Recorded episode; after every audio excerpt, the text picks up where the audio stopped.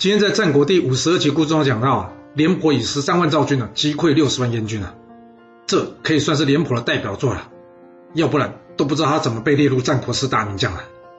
听到这故事，除了很热血，你还听到什么？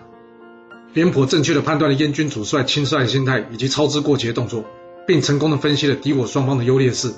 其实啊，这就是《孙子兵法》中所说的“知己知彼，百战不殆”啊。简单吗？就像骑自行车。你只要将双手握住龙头，两脚轮流踩踏，然后维持车身平衡就可以。听完了就会吗？不可能吧，多少还需要练习一下吧。所以成功啊，除了了解，还需要你不断的身体力行。希望你也能像廉颇一样一战成名啊。